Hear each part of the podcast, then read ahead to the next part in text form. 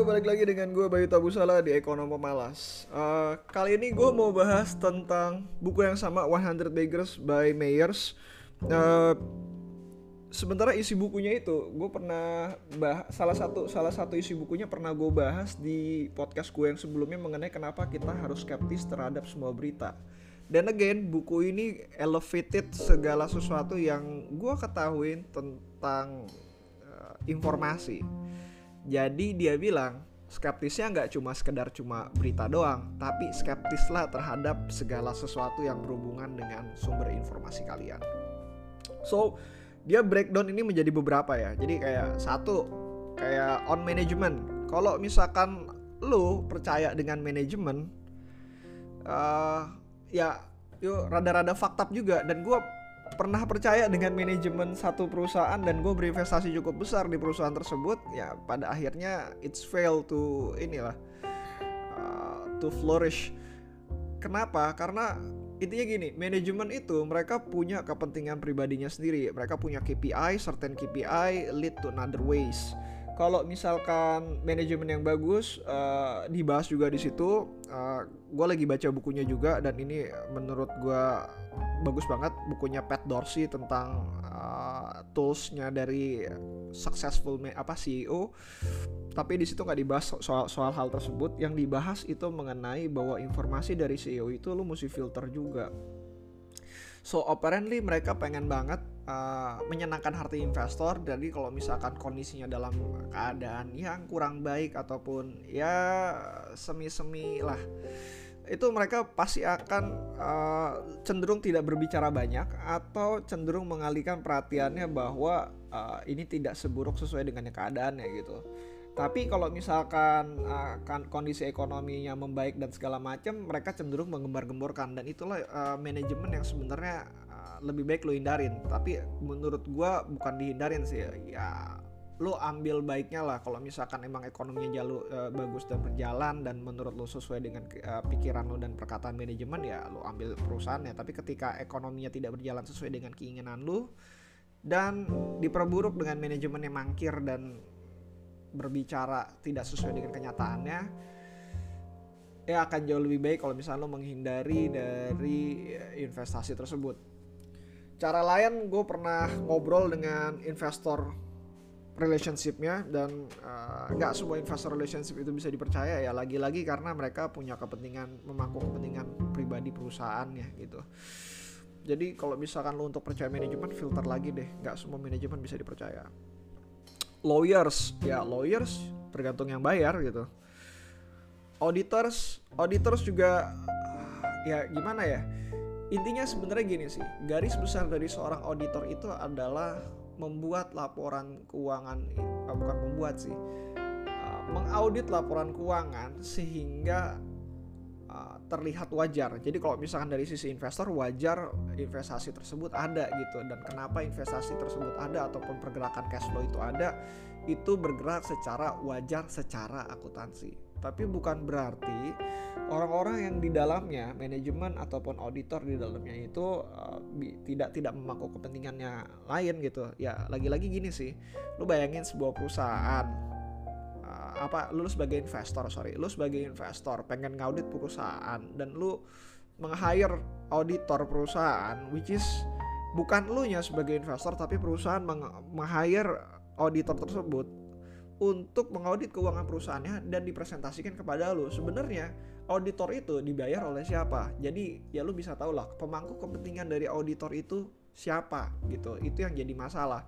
Even top 4 uh, jarang mereka kena masalah. Lo menyebutin EY PWC dan segala macam lu search aja lah pokoknya. PWC pernah kena masalah PWC skandal EY skandal dan segala macam intinya cuma membuat laporan keuangan wajar secara akuntansi. Salah nggak mereka? Ya nggak mereka menjalankan tugasnya aja gitu.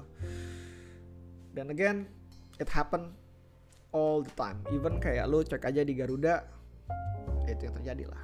Investment banker market research firms lagi-lagi mereka punya kepentingan terhadap perusahaannya ya lu cek aja lah mereka mesti ngejual sebuah produk untuk ke market dan pembelinya adalah lu ya. Mau nggak mau research mereka ya tentang how to sell lah. Seburuk apa pun perusahaannya ya mereka harus sales gitu. Ada gue pernah inget kayak sebuah bank besar eh, ketika lagi mau IPO gue gak akan nyebut yang mana. Uh, intinya waktu itu gue ikut dengan IPO-nya ya dan ya laporan keuangannya busuk banget sih gitu somehow salesnya yang menurut gue uh, mereka pinter. Dan mereka bilang lu jangan ngeliatin laporan keuangannya tapi kita tahu fund lu tuh membutuhkan dari uh, sisi uh, perusahaan ini. Gue nggak bisa nyebutin ini jenisnya kayak gimana ya karena uh, lagi-lagi ketika gue nyebutin jenisnya kalian pasti akan tahu ini bank mana dan apa gitu.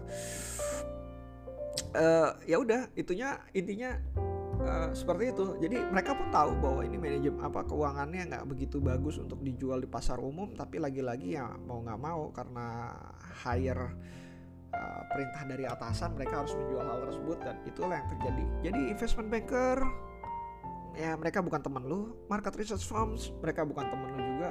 Even ketika market research tersebut lu beli ataupun investment banker itu investment banker itu lu yang pegang, lu yang hire ya lo mesti skeptis dengan informasi itulah. Lagi-lagi mereka cuma pengen kepentingan dari sisi perusahaannya di mana informasi itu pengennya ya ya lu pengen denger apa sih? Nah itu yang pengen di deliver banyak banget investment banker seperti itu banget banget banyak banget market research firm itu yang seperti itu.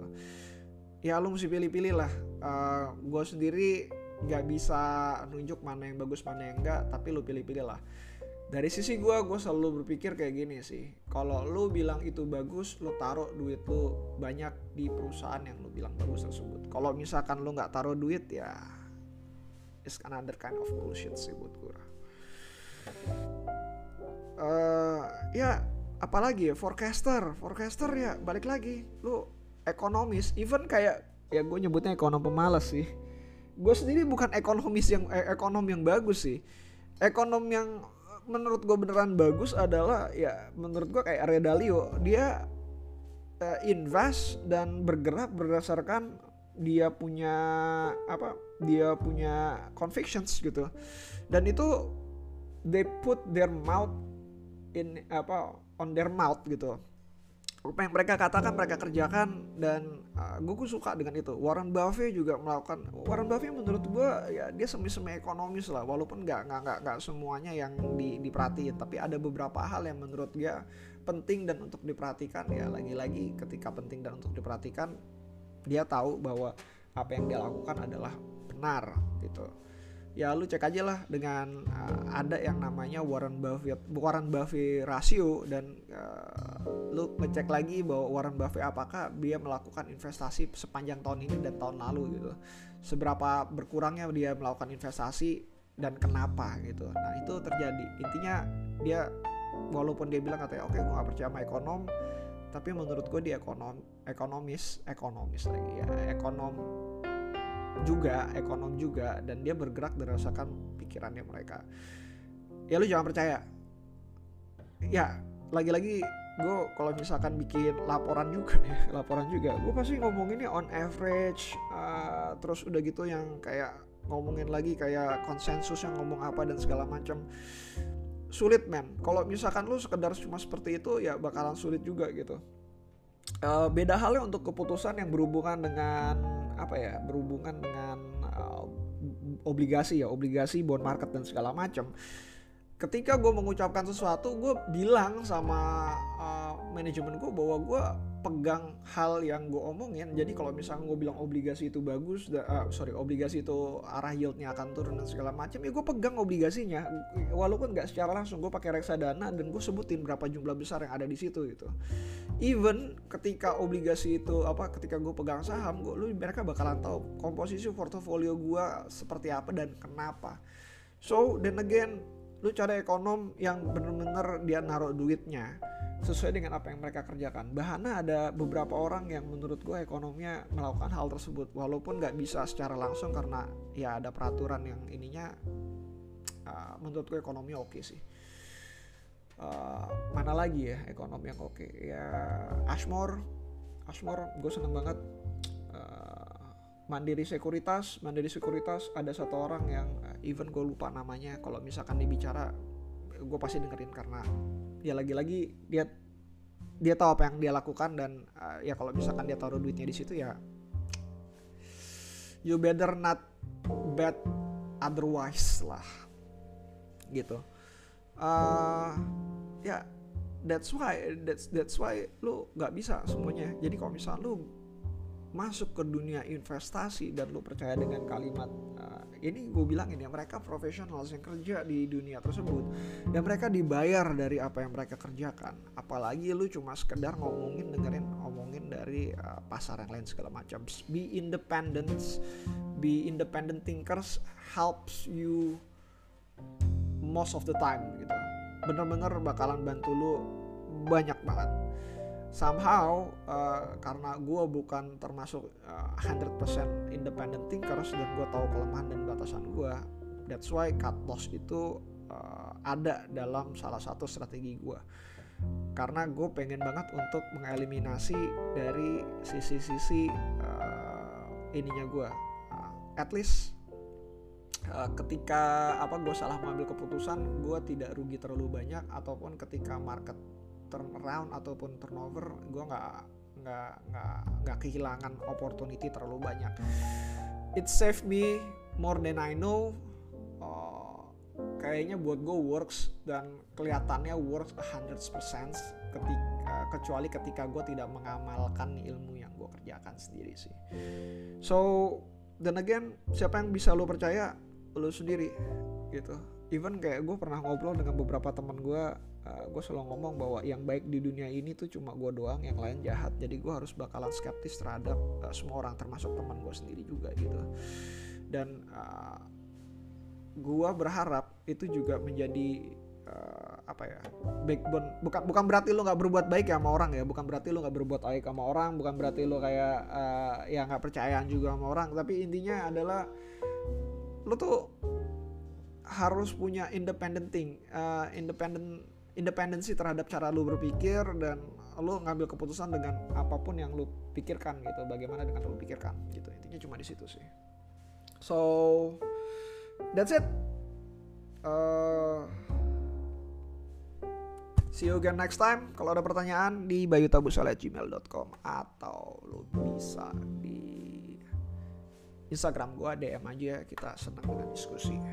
Oh ya Instagram gue @bayutabusala See you again next time. Bye.